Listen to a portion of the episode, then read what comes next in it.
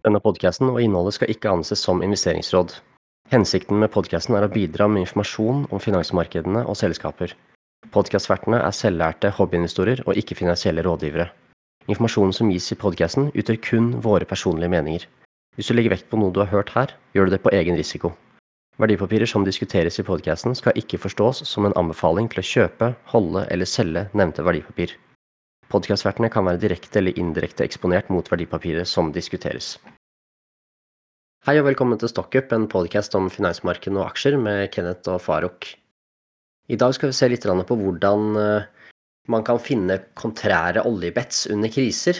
Eh, for som vi, som vi alle har blitt fått erfare som investor i energiselskaper, så er de veldig sykliske, og de får normalt sett en ganske fin knekk eh, under resesjoner.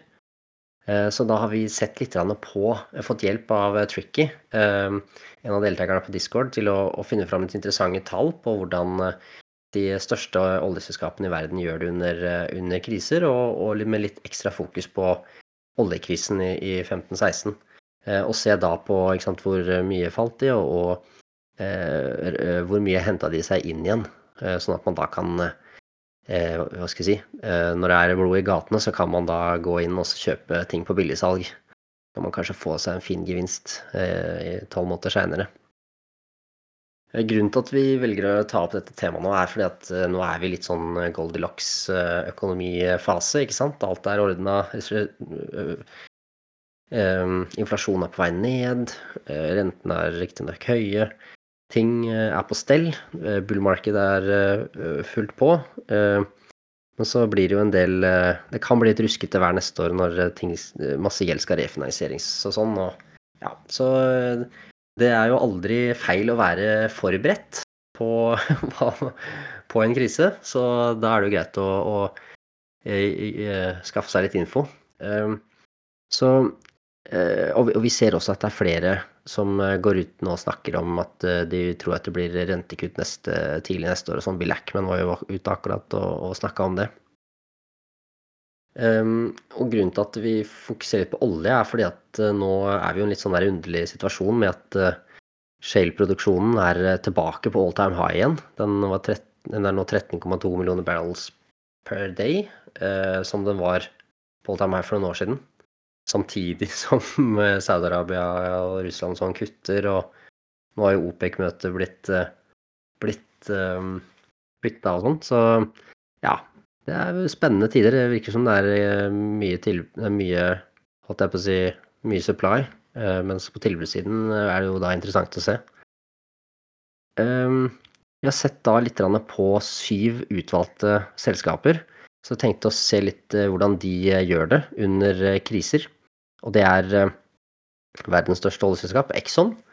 Det er Chevron, Shell, Total Energies, BP, som er British Petroleum, vår egen Equinor, Conoco Phillips og Canadian Natural Resources. Og vi har på en måte delt opp i to forskjellige kategorier. Det er eh, resesjoner eh, for seg selv, og så har vi oljekrisen for seg selv. Og den oljekrisen skal vi snakke litt mer om seinere, men vi tar vanlige resesjoner først de resesjonene vi har tatt eh, med, er eh, de fire siste.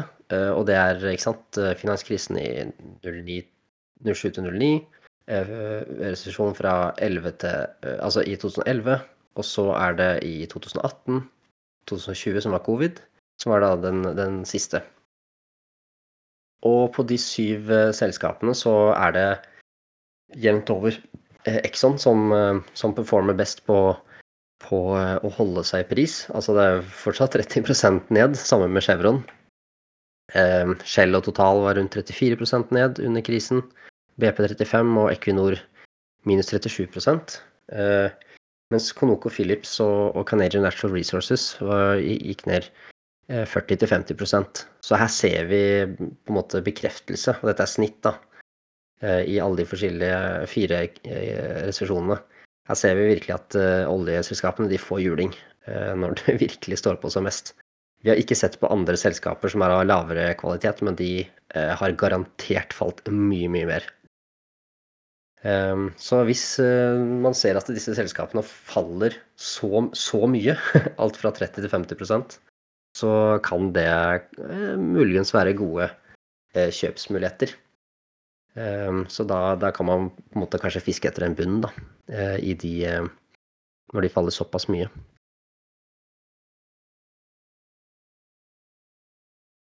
Hvis vi ser litt på eh, oljekrisen, for den er jo litt annerledes. Så den har du sett litt på, Farouk?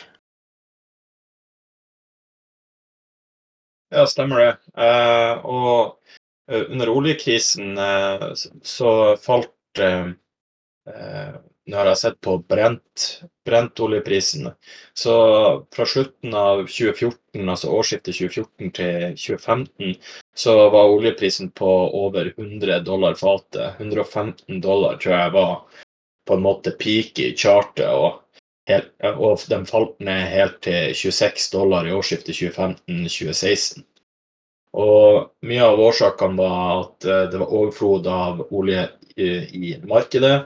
Eh, man så for seg en stagnerende verdensøkonomi som trengte stimuli. og ja, det, det, det, var mye geopolitiske forhold også, som at Iran signerte en atomavtale med daværende president eh, Barack Obama som gjorde at eh, de kunne også uh, selge olje ut i det uh, åpne markedet. Og da ble det, ble det, overflod. Samtidig er det viktig å huske på at shale-industrien i, i, USA eh, var på eh, historisk høyt nivå på den tida. Om jeg ikke tar helt feil, så nådde shale-industrien 9,5 millioner fat per dag i 2015. Og da tok jo amerikanerne markedsandeler. Saudi hadde eh, holdt på å si statsbudsjetter som skulle gå rundt og investerte mye. Og, og da ble det sånn at man ja, pøsa ut med olje, og da ble det for mye olje ut i markedet, og eh, prisene eh, falt eh, ganske radikalt. da.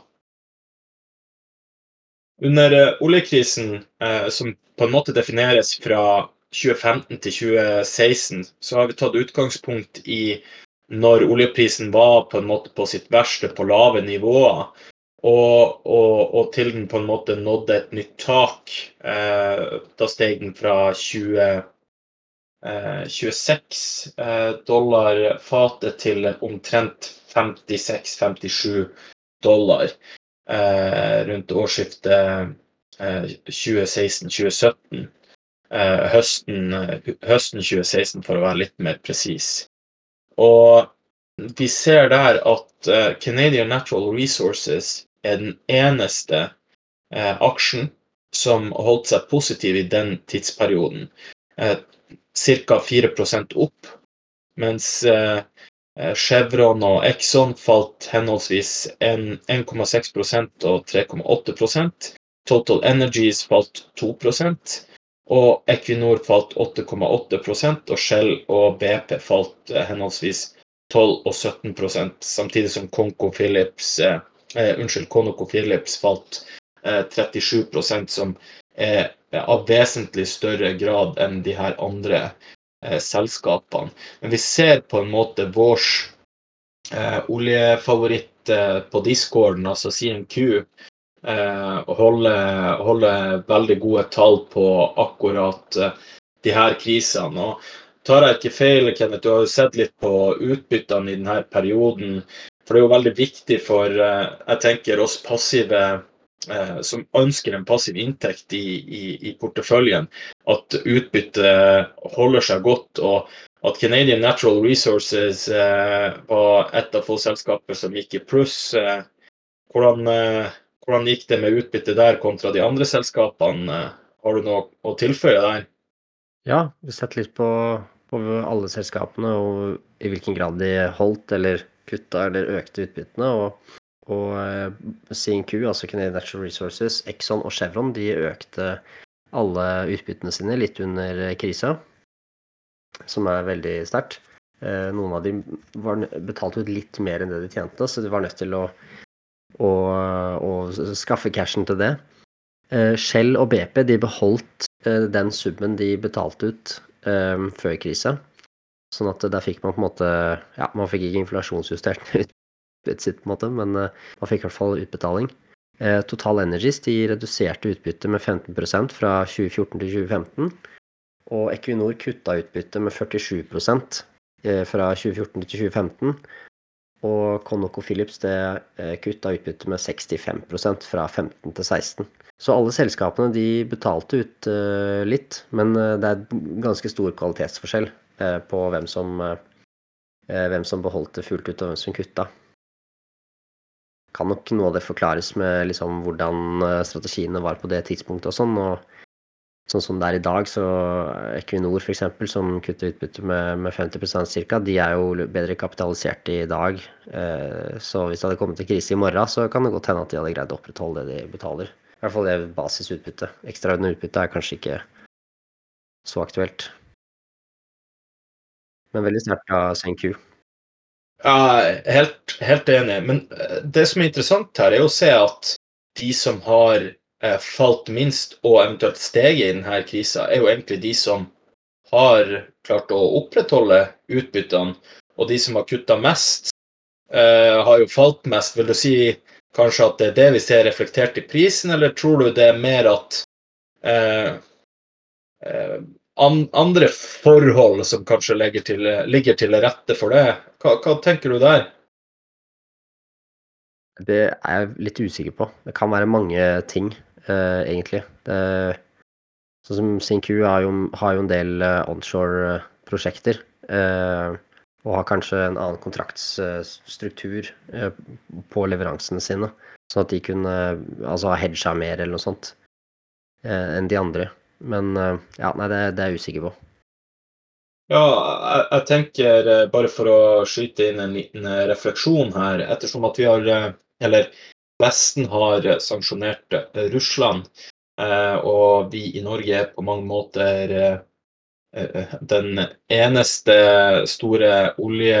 Altså energi energiråvarenasjon for Europa, og da tenker jeg på våre handelspartnere, så kan man tenke seg at Equinor er mer motstandsdyktig i dag, gitt at du ikke har eh, mis, Eller du, du har ikke de markedsandelene du kan potensielt miste til Gazprom og Lukoil, som er i, i, Russland. Da. Det er jo litt artig å tenke på at kanskje Equinor holder seg enda bedre enn hva de har gjort i historien, nettopp pga. de her sanksjonene. da. Absolutt, det er jeg helt enig i. Og de har jo en del gass også. Det er vel 40-50% som, eh, ja, som Europa virkelig gjerne vil ha. Ja, og, og, jeg tenker at Equinor skal gå bort da fra 2,1-2,2 millioner oljeekvivalenter, eh, både når det gjelder i forhold til olje- og gassproduksjon. Det er svært lite sannsynlig at de må eh, på en måte nedskalere produksjonen, som også koster enormt mye penger. Der er jo CNQ veldig fleksibel, for de har en veldig eh, effektiv måte å gjøre det på. Men vi vet jo at de mindre oljeselskapene og og de mer ja, shale-baserte oljeselskapene har litt større problemer med akkurat det, for det er en viss break-even-pris man må forholde seg til da, for å holde seg lønnsom. Mm. Ja, absolutt. Vi har også, for folk som ønsker å, å prøve å time markedet, eh, litt sånn for moro skyld, ikke at vi anbefaler folk å gjøre det.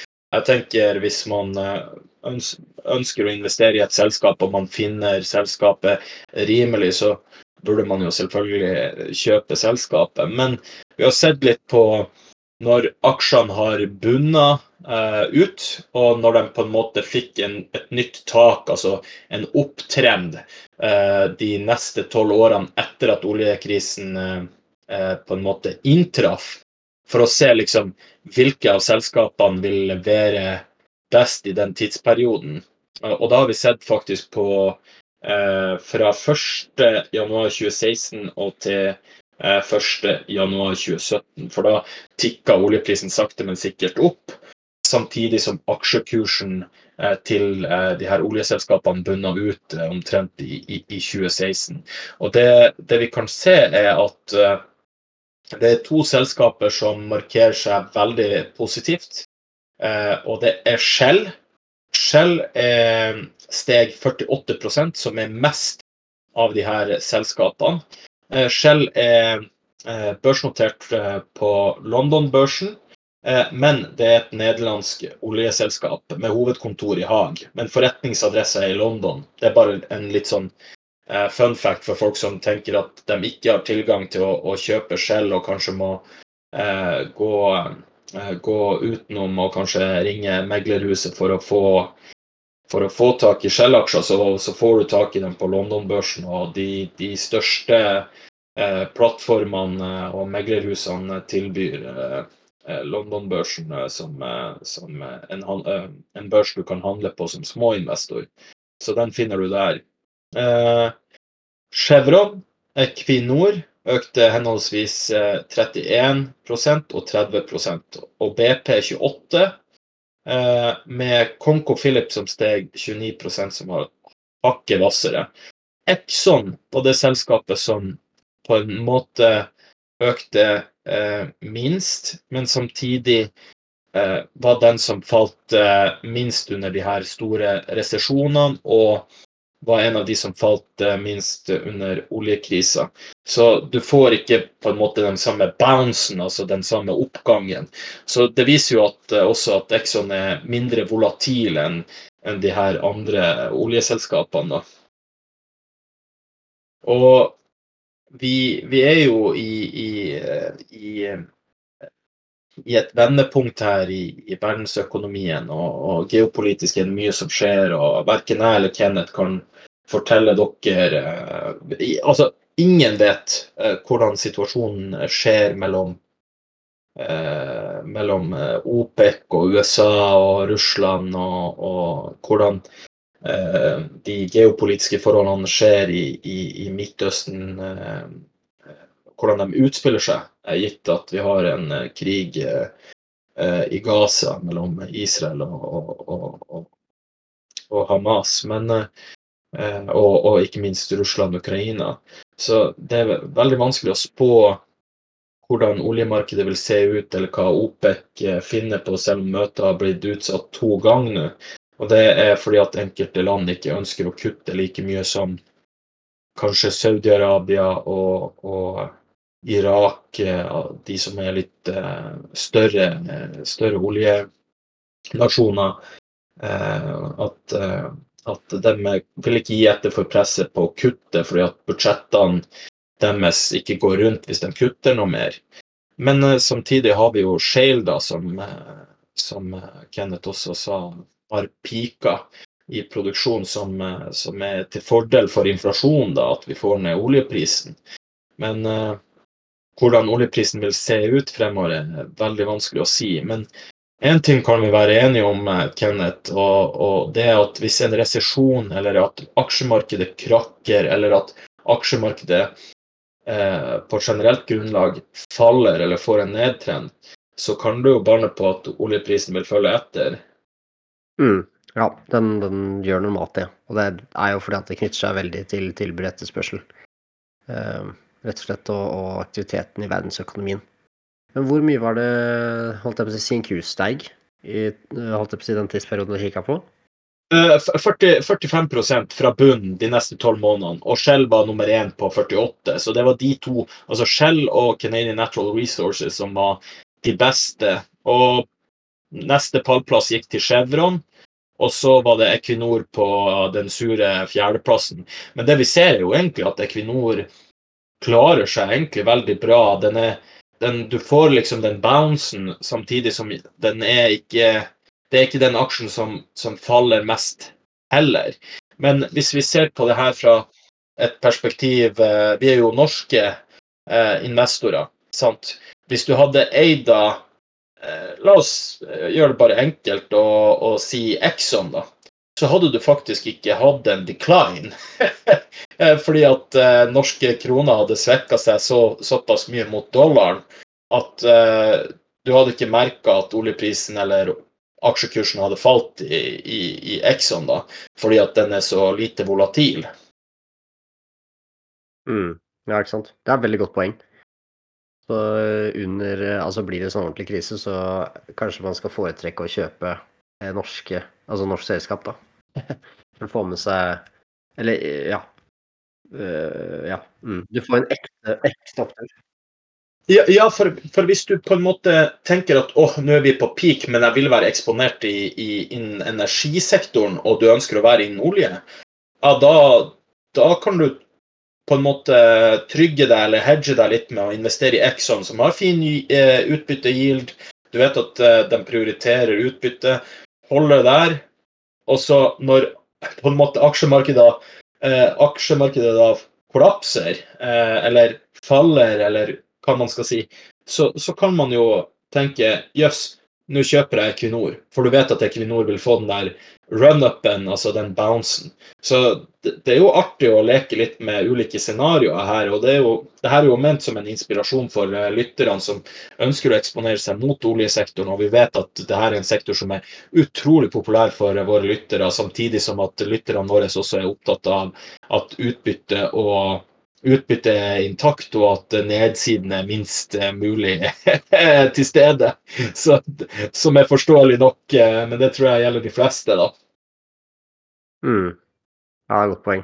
Og for de som eh, si, holder dollar da, og har valutakonto, så, så kan man jo, holdt jeg på å si, da, da er ikke den krona så, er ikke så viktig, for da får du uansett kronesvekkelsen gjennom at du holder dollarene. Da kan man kjøpe Exxon eller Chevron eller noe sånt noe i den perioden hvis man foretrekker de.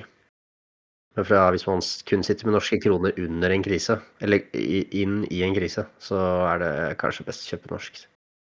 Interessant. Helt, eh, helt, eh, helt enig. Ja, kjempeinteressant. Og, og, og, det viser jo litt eh, det der vi snakker om i markedspsykologien også.